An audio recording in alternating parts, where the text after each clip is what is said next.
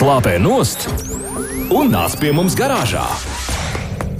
19 un šobrīd 9 minūtes klausītājs sveiciens eh, garāžas laikā un, protams, sveiciens jaunā mēnesī. 1. septembris ir klāt, Līna Rudzona klāt un Gins Gavers eh, garāžas sarunu laikā. Man gan nav līdz gladiolis šodien, vajadzētu jau it kā, bet liels sveiciens tev, Līna, un, protams, visiem, visiem mūsu klausītājiem tajā skaitā tiem, kas šodien ar tām gladiolām kaut kur devās vai nedavās, vai ielika mājās vāzē, vai Jā. nokautrējās un nepaņēma līdzi tās puķis. Ne? Varbūt arī tā kādam gadās, bet uh, ceram, ka tiešām uh, priecīgi ir sācies uh, eh, 1. septembris. Jauns cēliens gan skolēniem, gan skolotājiem, skolēnu vecākiem, studentiem, tik daudzi, kurus šodien sveikt un sumināt un vēlēt tik tiešām izturību, spēku jaunajā mācību gadā un lai patiešām labi sokās.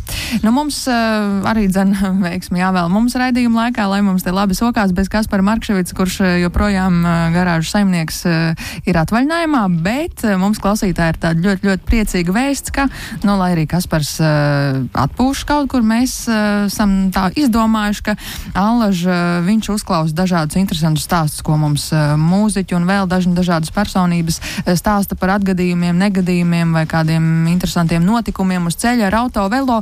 Un tad nu, mēs tā domājām, kas par ir tik daudz klausījies, ka laiks viņam pašam dot vārdu par saviem notikumiem stāstīt. Tāpēc redzījuma otrajā pusē mēs arī sazināsimies ar mūsu kolēģi Kasparu Markševicu. Bet visu pirms Ginta, ar ko mēs sākam tieši šobrīd. Sāksim mēs ar mums pašiem atkal kārtējo reizi ar, ar autovadītājiem un proti mēģināsim noskaidrot, cik čakli mēs esam savu braucamu rīku kopēju uzturētāji. Nu, gal galā kāda ir mūsu cieņas uh, stadija pret mūsu braucamrīku. Jo, ja mēs par viņu nerūpējamies, tad viņš mums ir diezgan vienaldzīgs. Savukārt mēs taču visi kopā esam tieši tādi, kas rūpējās par savu auto, jo tā mēs visi varam būt droši, gan paši, gan arī nu, visi apkārtējie, kas ap mums ir. Eļļa. Eļļa ir tāda diezgan primitīva lieta. Nu, šķiet, pat katrs pats gandrīz vai tur varētu tikt galā, ja nu, vien nebaidās rokas nosmērēt. Es gan to tā kā nedikti ieteiktu. Nu, tomēr katram savs darbs jādara. Galu galā priekš tā ir automehāniķi. Bet uh, kurš gan nezina to, ka laikus nenomainītas eļļas dēļ var nākties nomainīt pašu automobīlu vai vismaz kā minimums automobīļa dzinēju? Nu, diemžēl tā tas ir. Katrai markai dzinējs ir uh, savādāks, vienai vairāk kaprīs, vienai mazai. Nu, ir tādi automobīļi, ar kuriem var nobraukt diezgan labu gabalu, aizmirstot nomainīt eļļu. Uh, citiem tas beidzās jau pēc pāris simts kilometriem. Nu, es iesaku neeksperimentēt. uh, Un ko tie saka, cik uh, bieži tā tad mainīt un pārbaudīt, vai tur viss ir kārtībā? Redzi, šodien mēs dosim atkal vaļu mūsu Latvijas autobraucējiem un mēģināsim noskaidrot, ko tad viņi saka, kā viņi to dara. Uh mhm. -huh. autoražotāji mūsdienās nosaka diezgan liels tos eļļas maiņas intervālus. Nu, būsim godīgi, tie kļūst ar vien garāki un garāki, citur pat līdz 30 tūkstošiem kilometru uh, ļaunas mēlis, melšs, ka šādi autobraucēji vienkārši drīz būs spiesti biežāk pirkt automašīnas. Nu, jo, nu, diez vai. Līdz ar to meistari, meistari iesaka tā, ka, ja tu to auto gribi paturēt sev arī pēc garantijas laika, tad nu, tomēr labāk nomainīt to eļļu pēc tiem nobrauktiem desmit tūkstošiem kilometru. Nu, noteikti nekļūdīsies. Uh, un tā tad veseli 59% kādas aptaujas dalībnieku uzskata, ka ka neraugoties ne uz ko, eļļa dzinējā būtu jāmaina tikai un vienīgi pēc desmit tūkstošu nobrauktiem kilometriem. Tad tāpat kā lielākā daļa automehāniķu. Starp citu, šādu eļļas maiņas algoritmu nu, piekop, piekop lielākā daļa. Ja nu vien ne tie, kas, kas nu, to auto paņem pilnīgi jaunu, brauc pēc šīm ražotāju norādēm, un pēc tam dod atkal projām, jo nu, tad jau vienalga, kas ar viņu notiek tālāk. Uh, eļļa mūsdienās mainās, eļļa uzlabojās. Protams, viņi spēja kalpot ilgāk, bet savukārt atkal dzinēji kļūst mazāki un viņiem nu, tomēr tā jauda ir lielāka. Tāpēc, nu, Uh, nu, katram jāizdara secinājumi. Otrs populārākais viedoklis ir tāds, ka uh, stingri jāpieturās pie ražotāja noteiktā intervāla. Par to balsojuši 26%, bet nu, tātad 59%, kas saka, ka 10 tūkstošos, un 26%, kas ir nu, uz pusi mazāk. Teorētiski tā tam arī nu, vajadzētu būt, kā mēs tikko sapratām. Taču veselais saprāts atsakās pieņemt uh, eļļas maiņu, piemēram, nu, pēc, nezinu, nu, man, man būtu grūti nobraukt ar auto 40,000 km, nenomainot to eļļu. Nu, kaut kas taču nav rītīgi. Bet, jā, Reiki 26% saka, ka tā var darīt un tā arī jādara. Drosmīgi 7% aptaujāto uzskata, ka pilnīgi pietiek, ja eļļu nomaina kaut kad reizi gadā. Tur nav ko ieciklēties ar kaut kādiem nobraukumiem. Uh, zinām, taisnība te var būt arī ir, ja runājam par kādiem diviem vai trīs uh, nobrauktiem kilometru tūkstošiem gadā. Nu, ir tā, Vai ne? Jo var jau būt tā, ka pa gadu tur ir oi un oi, cik daudz nobraukts, un ir varbūt tādi, kas jā, jā, jā, brauc, nu, tad jau tiešām okay. aizvezinās līdz ziemu veikalam un atpakaļ, un arī ne katru nedēļu. Nu, Protams, tā, tā var rīkoties, bet nu, vismaz reizi gadā jau nu gan vajadzētu nomainīt, jo nu, principā tā eļļa arī stāvot zaudē savas kvalitātes. Tā kā, nu, redz, bet nu, jebkurā gadījumā 7% tā uzskata.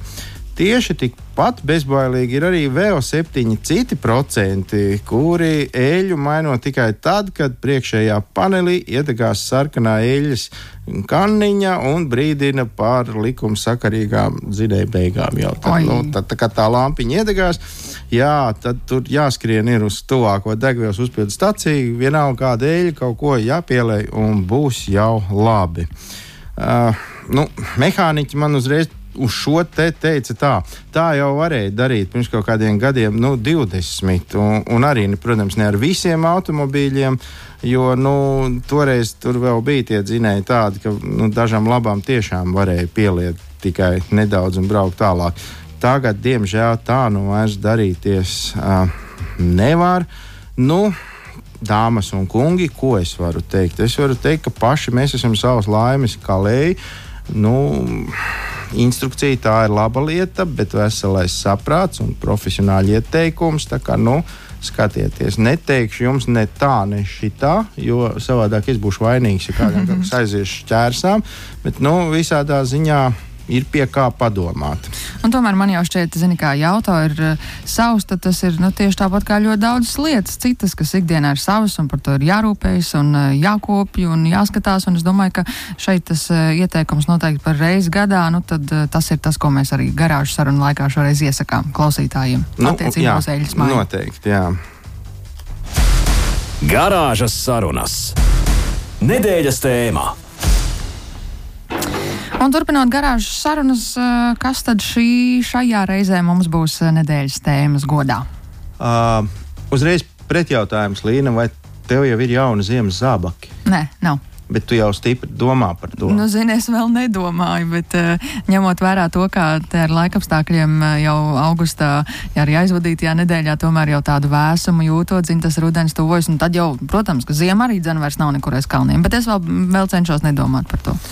Nu, labi, labi. Bet es ticu, ka domājot par autoriepām, un vispār tur jau laikus es, jāsāk. es gribēju teikt, ka to ar zābakiem mēs apmēram kā tie autovadītāji, kas tad, kad uzkrīt pirmais sniegs, iestājās garajā rindā pie riepu mm. pāraušanas darbnīcas, un tad stāv tur sešas stundas no vietas, lai tiktu pie ziemas riepām. Jā, nu, gribam mēs to vai ne, bet tā ziema nāk. Un, Atgādināsim droši vien visiem mūsu klausītājiem, ka vasaras riepas eh, spēj veikt savu darbu tad, kad vidējā gaisa temperatūra ir uh, ne zemāk par 7 grādiem plusā. Tātad, ja tas mm, termometrs jau tur paslīd vidēji zemāk, tas ir skaidrs, ka nu, viņš var būt dažāds.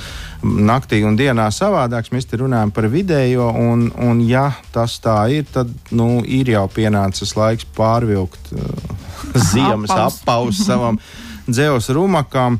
Nu, un tad uh, katru gadu pirms riepu maiņas sezonas uh, dažādi pasaules vadošie nozares mēdī publicē riepu uh, testu rezultātus. Nu, nesauksim vārdā, kur ir šie mēdīji, bet nu, gan jau, ka daudzi būs pamanījuši, viņas publicē arī un pārpublicē internetā, tā kā pieejama viņa visās malās. Testi dažādi, rezultāti dažādi, un arī tā noderīgā informācija no viņiem ir dažāda.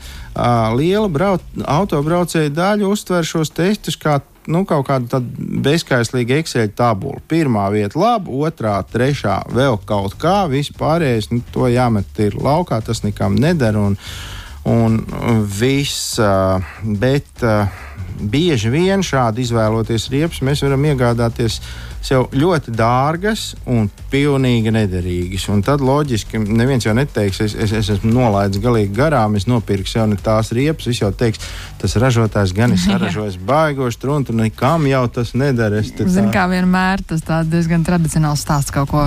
Jā, jā, nu, kurš acī atkal kaut ko pamanīt savā. Jā, pats taču nekad mūžā tu neatzīsies. Ka... Nu jā, un, un tad mēs pajautājām cilvēkam vārdā Mārtiņš Grīmērks, kurš uh, ar riepu biznesu nedarbojās ne pirmo dienu, lai viņš mazliet pastāstītu, ko mēs tajā riepu testā varam ieraudzīt sev noderīgu. Un izrādās, ka varam, bet nu, tas ieteikums ir tāds. Vispirms ir ļoti svarīgi tikt skaidrībā pašam ar savām vajadzībām. Nu, pirms mēs vispār ķeramies pie kaut kādiem testiem. Perfekts uz šīs pasaules nekas nav. Nu, tas ir fakts. Ja vienā pozīcijā kaut kas ir pilnīgs čempions, tad jau citā pozīcijā tas var izrādīties galīgi nederīgs.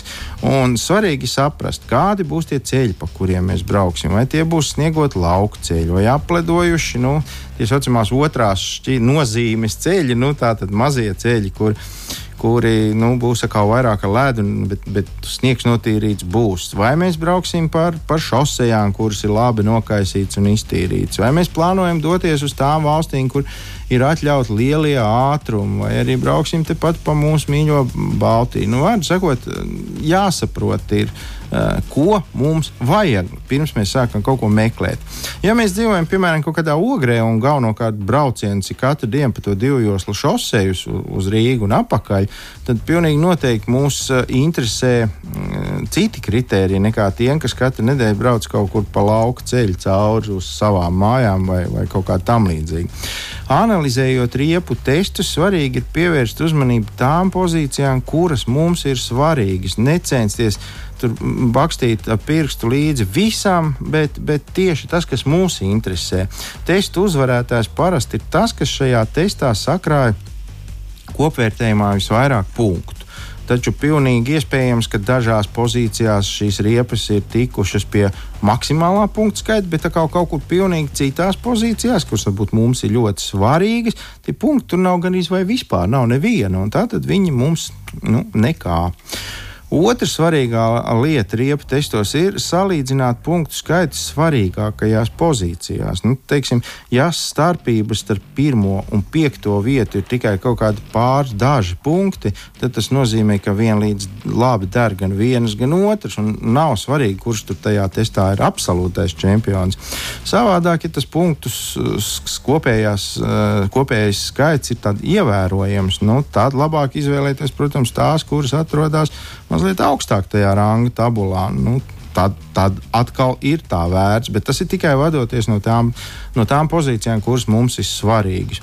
Un visbeidzot, rūpīgi jāizvērtē, kāda izmēra riepas šajā konkrētajā testā ir izmēģināts. Jo pilnīgi iespējams, ka vienā izmērā, tā, nu, kaut kāds ejošais, tur 205 uz, uz, uz nu, nu, kas nu, tur ir 16 kaut kādi. Ja?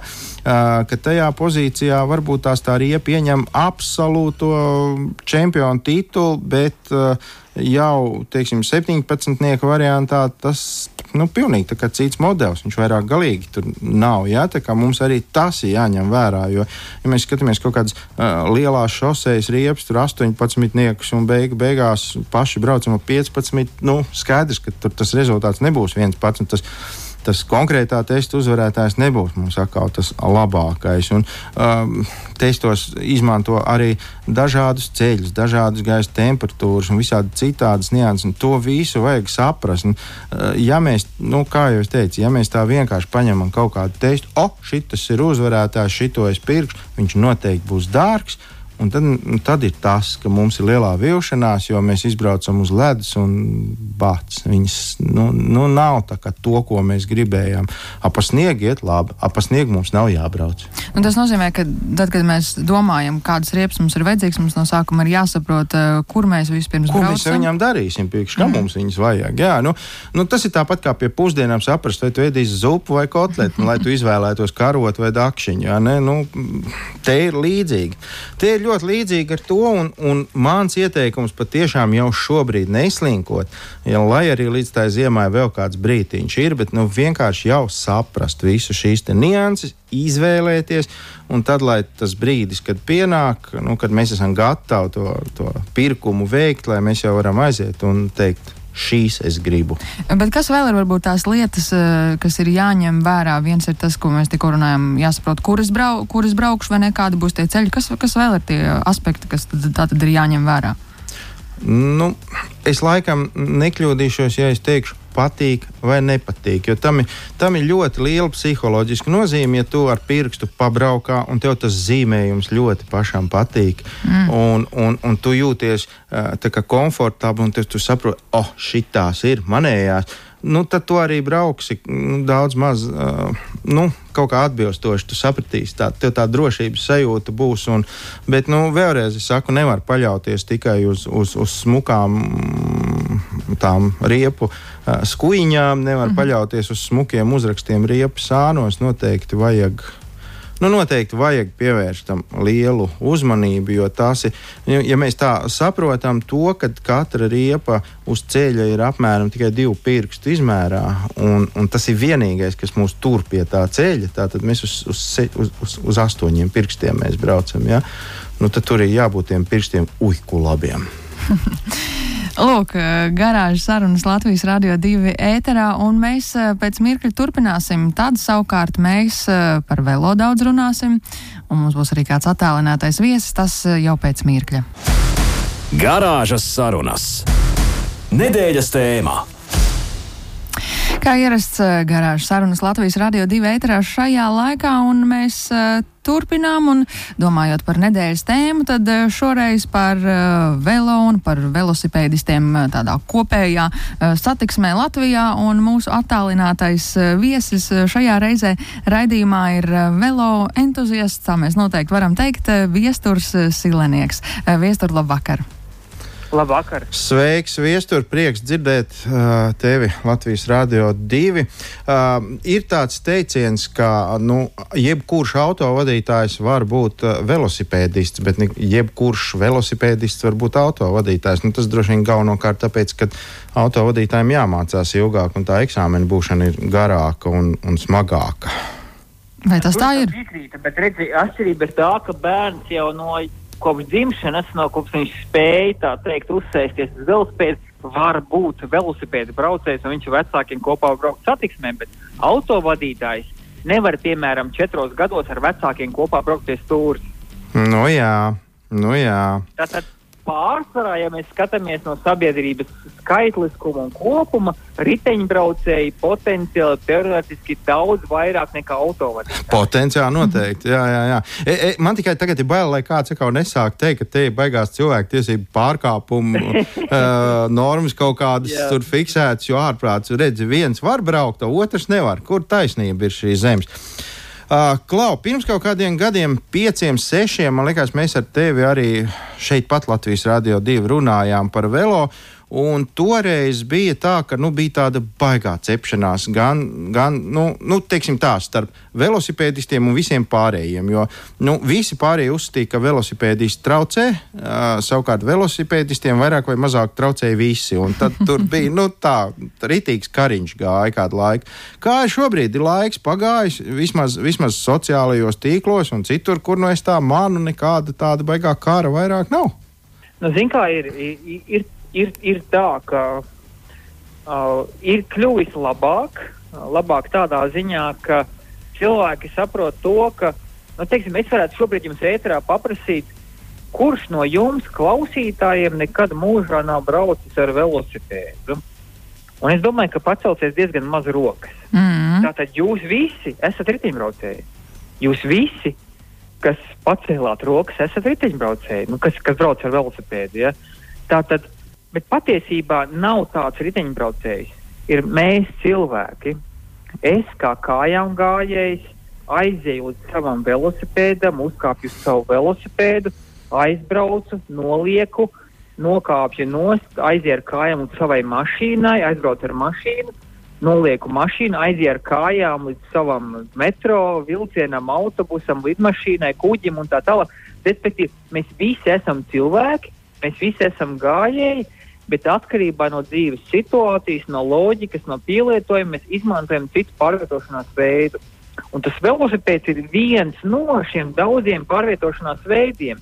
Un ja mēs lamājam kādreiz, ka tie riteņbraucēji ir šādi un tādi, nav tādi riteņbraucēji. Mēs, autobraucēji, esam arī riteņbraucēji. Mēs gājēji, esam arī riteņbraucēji. Nav neviens cilvēks nepiedzimst ar velosipēdu.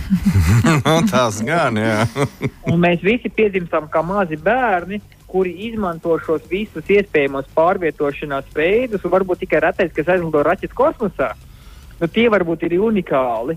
Bet visi pārējie mēs izmantojam visu to pašu. Ja? Nu, drīz tad- mēs tad arī notiek- lidosim visi pārējie, tā kā tur nav ko satraukties. Arī, tu, arī Ar tur mēs būsim ne? vienādi. jā. Varēs līdzi rīčuku paņemt.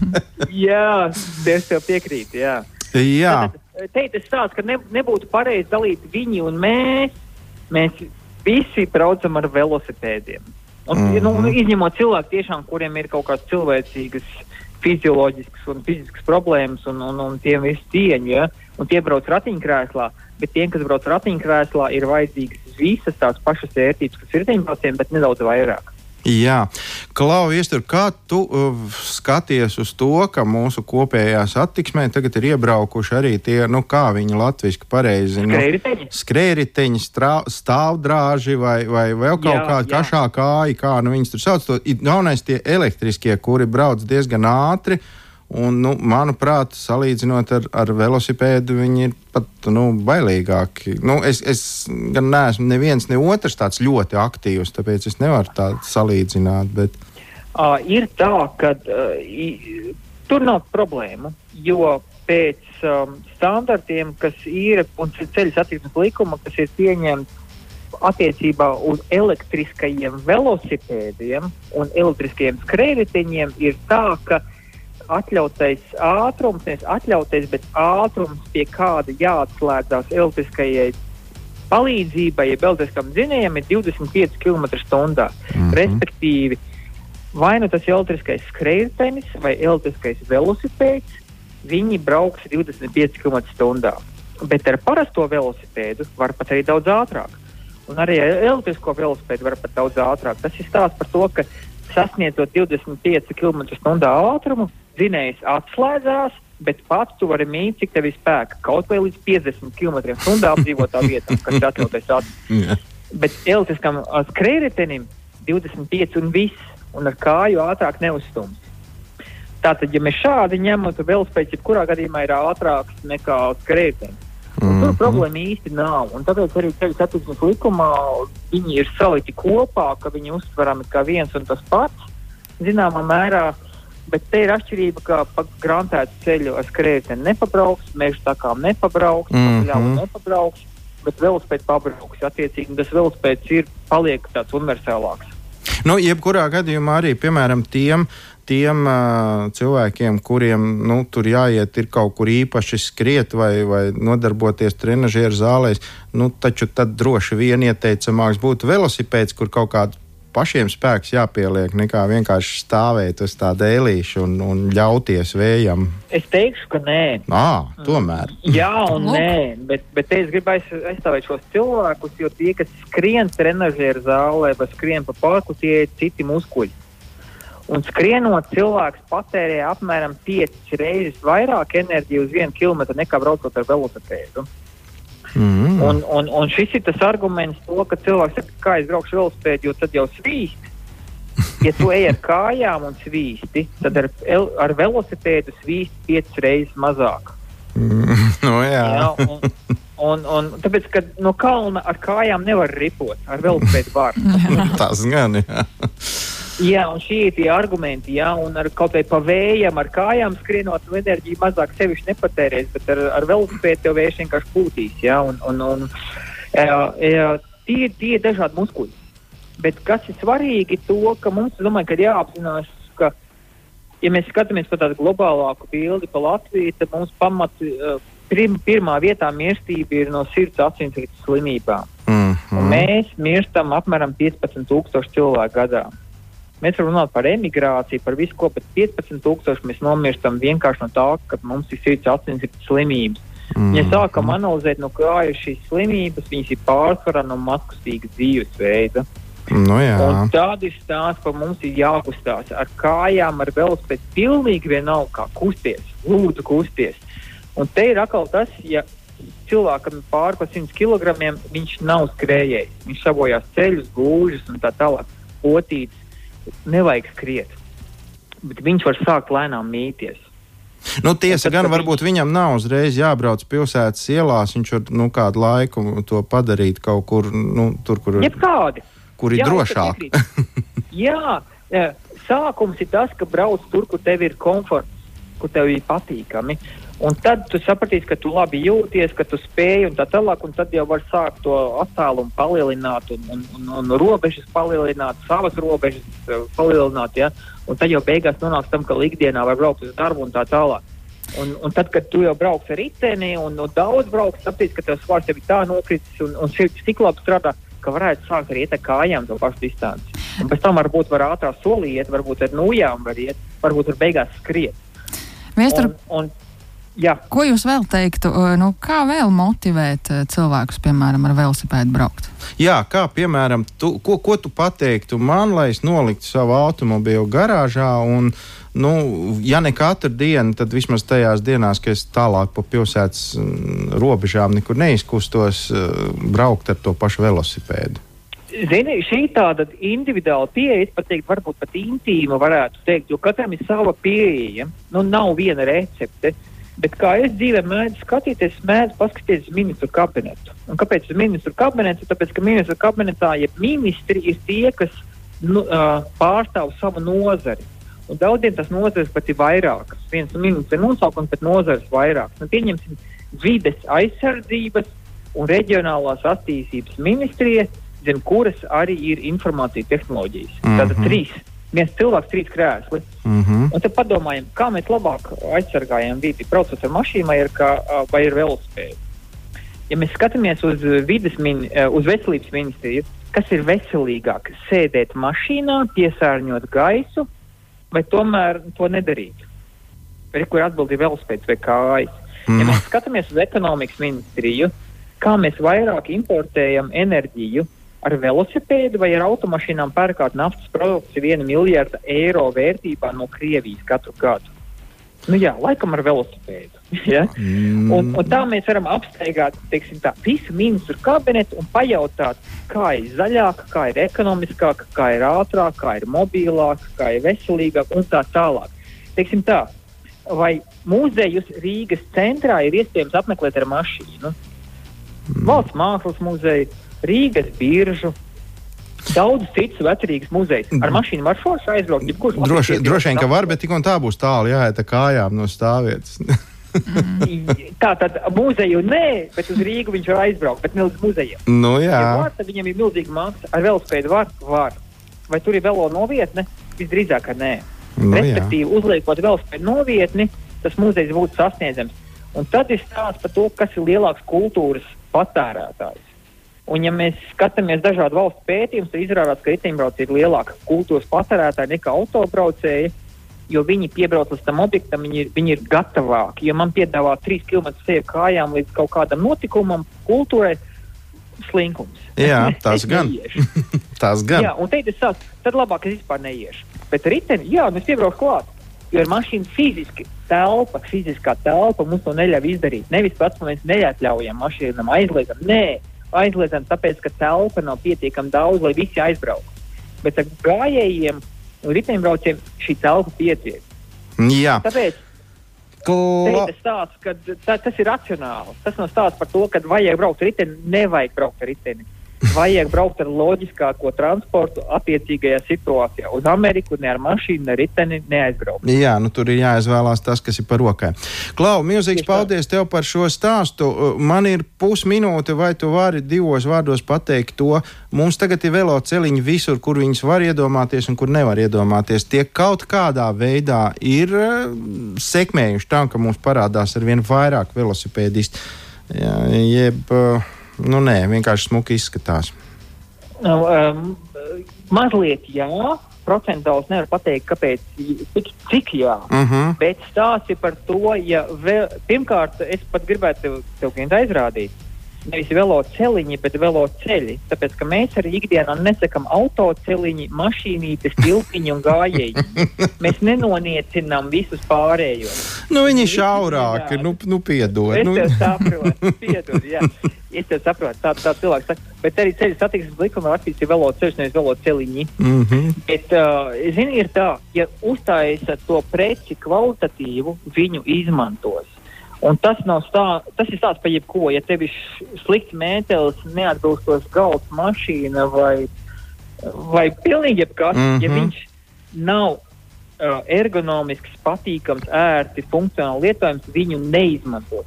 Tāpēc velo ceļu skaits, velo ceļu kilometrāža nav arguments, ja viņi ir slikti.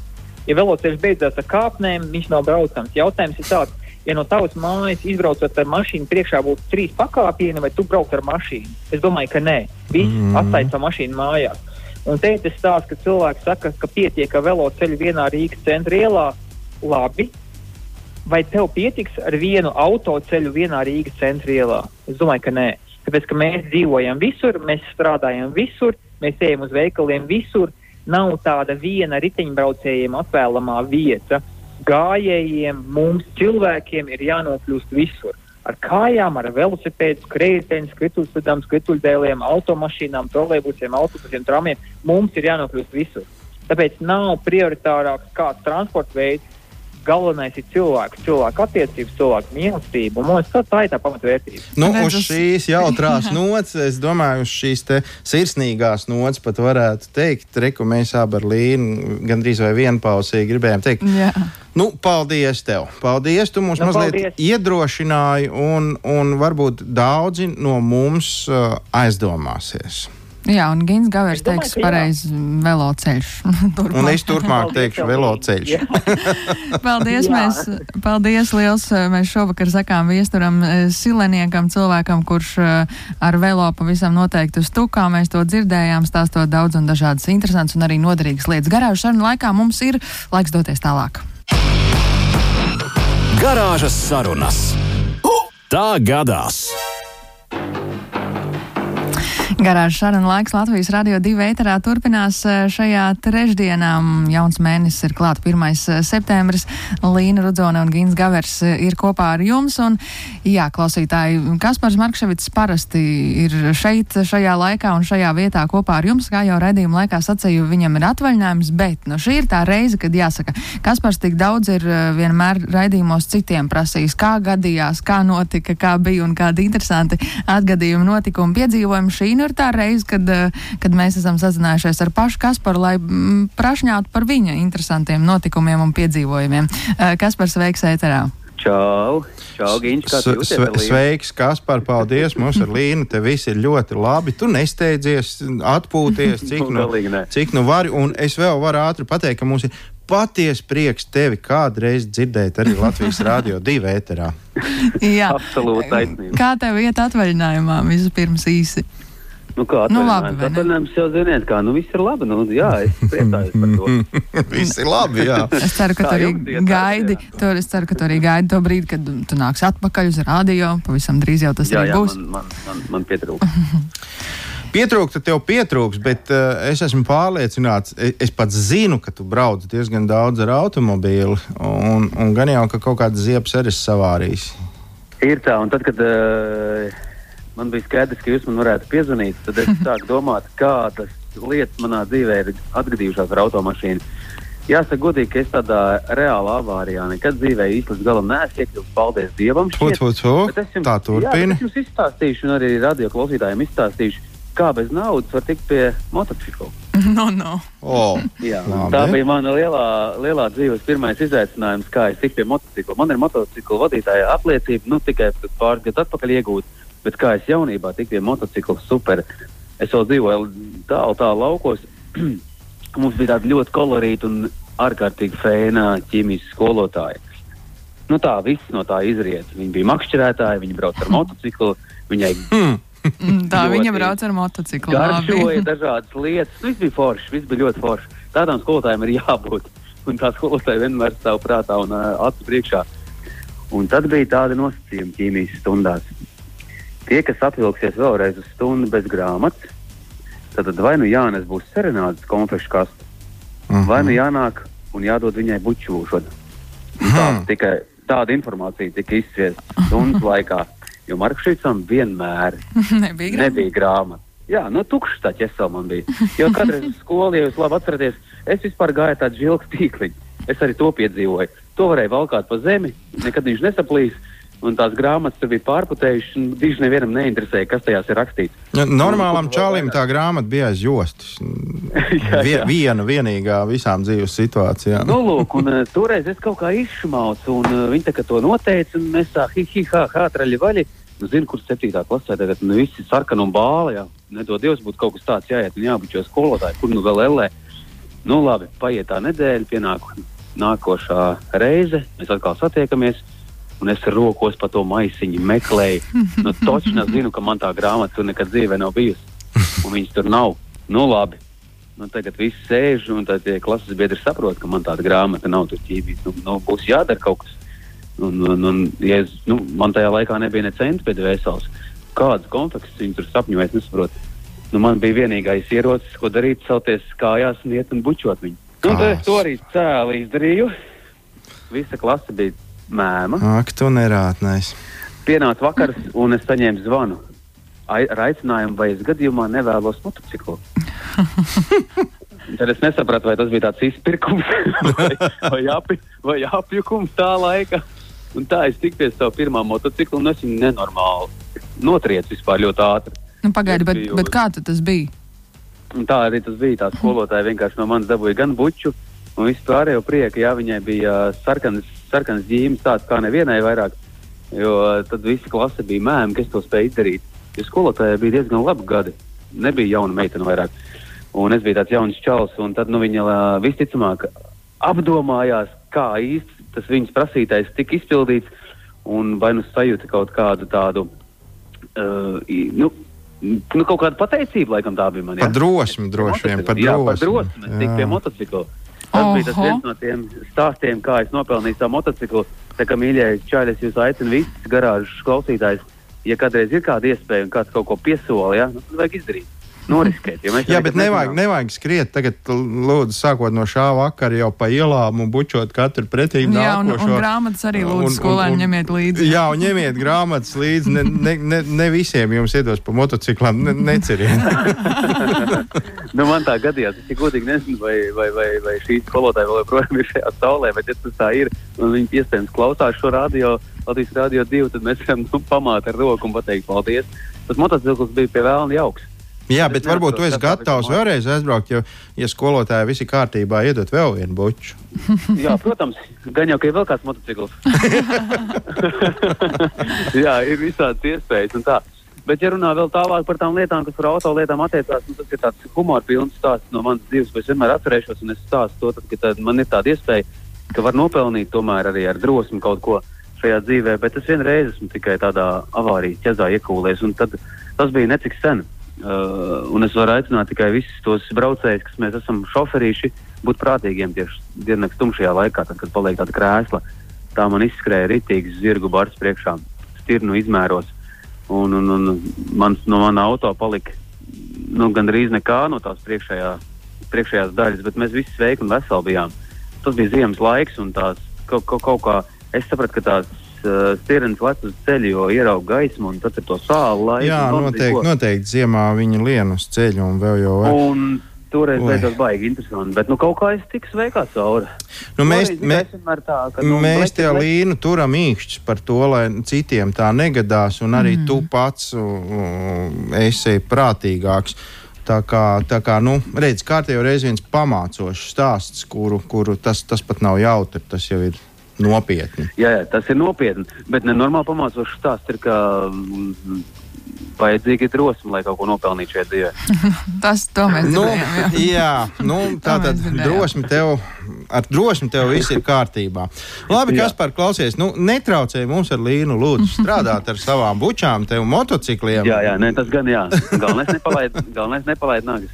Nē, nē, mēs, mēs, mēs tā. Bet, uh, lai tev, Kaspar, ir, Kaspar, ir uh, jauks vēl um, atvaļinājuma noslēgums, nu, nu labi, vēl, vēl ir tev bišķiņa laiks, un tad Vēl jau ir, ir. uh, atkal pavisam drīz arī tu sarunāsies ar uh, radio klausītājiem, jā, lai arī tev, vispār arī tev kā tētim, taču, lai veiksmīgs uh, septembris šodien mēs te daudz uh, vēlam, lai izdošanās un pacietība arī vecākiem, ir tad, nu, mums. arī tev vislabāko. soļi. Soļi Asteris vai gladiolis? Kas, kas būs, kas bija Asteres vai Gladiols šodien? Gladiols, bez tām nekur. Nu, re, tā Tas es tāds. Mūsu, mūsu bērnības trauma, kur jā, jāturpina nēsāt uz priekšu. Labi, Labi, lai tev labs vakars. no mums un tev Paldies. pašam. Nu, tev nē, tev lai vienkārši labs vakars. Atā. Atā. Kaspars eh, Markševits, eh, otrs garāžas saimnieks, kurš gan šobrīd, kā dzirdējām, ir atvaļinājumā, bet arī ar savu stāstu šajā reizē padalījās. Bet nu, mums ir eh, jāsteidz aši tāds kopsavilkums veikt un arī drīz teikt tā. Pavisam ātri eļļas ir jāmaina uh, čakli, uh, nu, jābrauc ar velosipēdu pēc iespējas vairāk, lai nebūtu problēmas ar veselību. Nu, jā, un principā, ko mēs vēl darījām? Mēs te šodien niekojāmies ar riepu testiem, kuri var noderēt. Jā, un noteikti noderīgi bija arī daudz tik tiešām eh, padomu šajā reizē. Um, atgādinām, ka šo raidījumu klausītāji jūs varat arhīvā noklausīties mūsu mājaslapā www.lr2.lv. Protams, eh, podkāstu vietnēs arī jums eh, tīkamā ērtā laikā. Un sirsnīgs paldies katram, kurš pieslēdzās šajā reizē garāžu sarunām. Līna Rudzone un Gins Gavers bija kopā ar jums. Paldies un atkal uz sadzirdēšanos. Nākamajā reizē jau jūs tiksieties ar Kasparu Markševicu ierastajā laikā un vietā pilsētā? Ātā. Ātā. Garāžas sarunas.